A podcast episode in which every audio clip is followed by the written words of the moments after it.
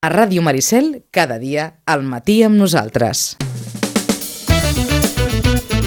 Vinga, anem per feina, 12 minuts i seran les 10 perquè tenim moltes coses encara abans d'arribar a les 11, la locomotora negra, os Ibros Deu Jazz i aquí en, en Pitu a punt de, de vacunar-se ja amb la, amb la Janssen ja punt a punt. Pitu, Bon dia, Vicenç. bon dia, què tal? Encara en queda una mica, em sembla, eh? Oh, I tant. A nosaltres, els últims. Crec, crec que sí. Els últims. Això et Potser- tranquil·litza, eh? Ah, potser ha passat l'estiu, no? Aquella agulla, aquella agulla que, que travessa tot el braç. Tu prepara el braç. Tu, pre... tu prepara el braç. Ai, no, home, escolta- no, no, home, no, tres setmanes de baixa no, home. Escolta'm, ens hem fet un tip de veure aquesta imatge dels braços de la gent. Sí, és que la... Eh, dona gràcia, és que la vacuna es posa al braç. Sí, sí, sí. Podria provar... En fi, que hi ha l'espanyola que es posarà pel nas. I jo pre- prefereixo... No, és igual, prou.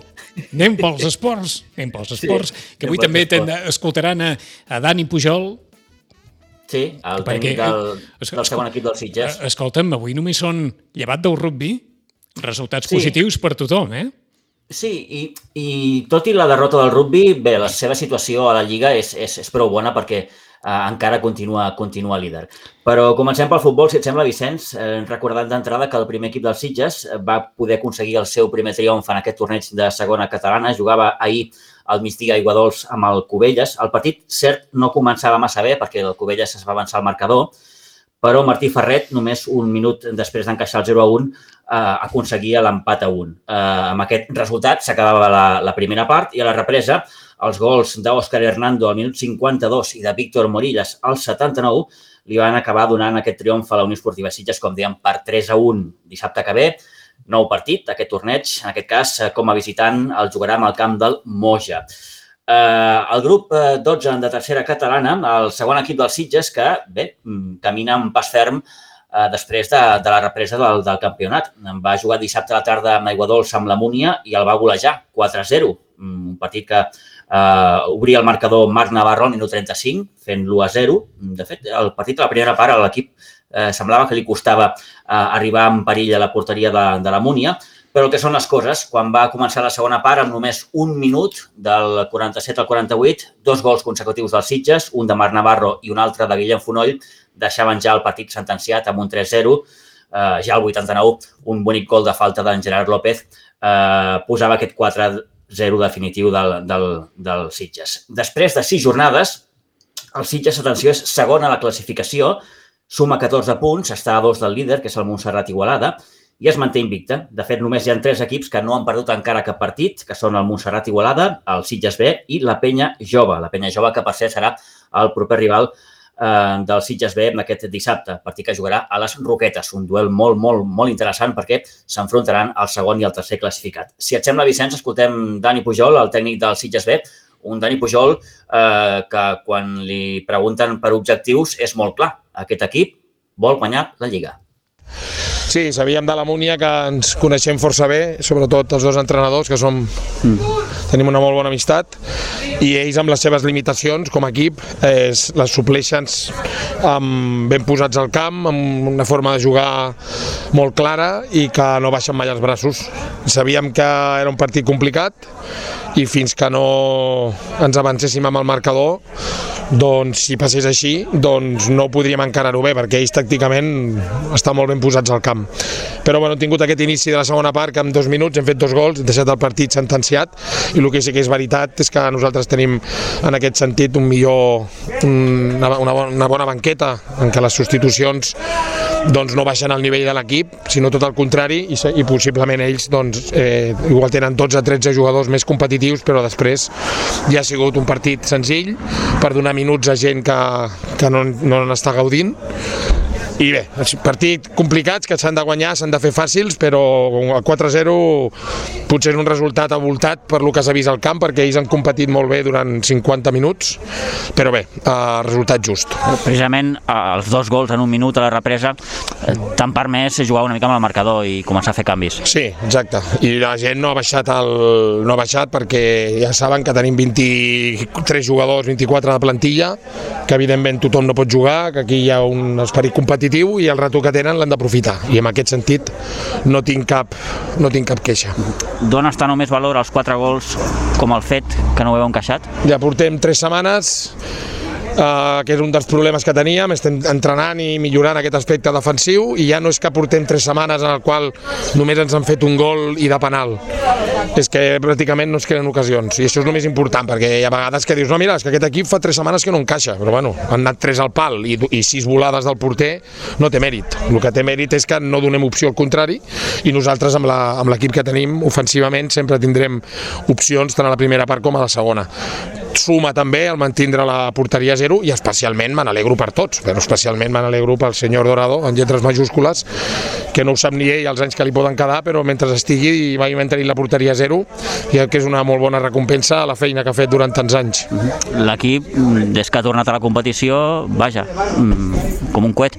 Nosaltres tenim una il·lusió, que és guanyar la Lliga tenim aquesta il·lusió de ser el, el millor equip d'aquesta minilliga, no? Mm. Que jo crec que la recordarà tothom per la lliga del coronavirus, però tenim la il·lusió. Evidentment, no so, és a dir, no som il·lusos, que es diu. Uh, amb una lliga sencera hi ha equips amb un potencial de regularitat que segurament no ens donaria per, per, per competir amb ells, però uh, amb una lliga reduïda uh, de 16 partits tindrem les nostres opcions. I a dia d'avui, depenent de nosaltres, desconec el resultat avui del Ribas i de, amb el Montserrat Igualada, tenia un entrenador, jo que de, diré el nom, que és l'Àngel Casado, que em deia un pajarito m'ha dit que los dos no pueden ganar. doncs, bueno, segurament acabarem la Lliga primers o, a la jornada primers o segons i res, mentre hi hagi aquesta il·lusió, amb això hem de viure, perquè és el que parlàvem amb la directiva.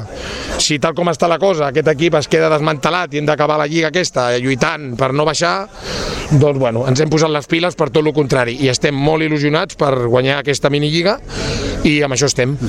Si guanyeu la Lliga tindreu premi? la, la, la Lliga serà, la, el premi seria en tot cas, que parlem sempre en condicional, perquè tot això és parlar per parlar, però jugar a la Copa Catalana, la Copa Catalunya l'any que ve, perquè l'ascens de categoria no és, no és factible, però és igual, la il·lusió és la mateixa, s'aconsegueixi una cosa és l'altra. Després toquem de peus a terra, perquè hi ha equips com el Ribas, el Montserrat Igualada, el Rui de Villas, que realment estan, tenen més experiència i tenen jugadors de qualitat que realment doncs, són els favorits. Però allà estem nosaltres, també està la penya jove que apreta fort, que, que en consta part que també està jugant molt bé. I que ha fitxat, i que ha fitxat el Contreras. Exacte, està, i estem distrets, i això és l'important, no? que no, no anem a, a lo que surt. Però jo sóc entrenador dels Sitges i la il·lusió meva és millorar l'equip cada setmana i la il·lusió meva és guanyar la Lliga per l'any que ve poder jugar a la Copa Catalana. Ara depenent de nosaltres, hem d'anar setmana, setmana a setmana i després el que jo considero que és un avantatge, el temps en donarà o en traurà la raó, no? que els tres equips favorits han de vindre aquí a Iguadols i eh, espero no equivocar-me. Dani Pujol, en aquesta lliga tan, tan, tan complicada per tothom, també pel Sitges B, Sitges B 4, la Múnia 0. Per on seguim, Pitu? Sí, seguim pel resultat eh, dolorós que va encaixar, per exemple, l'equip femení del Sitges, que va perdre 11-0 en la seva visita al camp del Sant Vicenç, Associació Esportiva, ara mateix eh, l'equip femení dels Sitges és a la cua de la classificació, encara no ha pogut guanyar cap partit i haurà d'afrontar un partit complicat aquest proper diumenge a Iguadols perquè s'enfrontarà amb el, el Ribas. Per tant, a veure quin, quin, quina imatge dona l'equip femení. Eh, parlem també de, de rugby, perquè el Rugby Club Sitges, com deies abans, va perdre 13 0 en la seva visita al camp del Sanglàs de Torroella de Montgrí és tot just la primera derrota que pateix l'equip, eh, que malgrat tot eh, segueix primer a la classificació. És aquesta lliga tan curta, almenys en la fase prèvia.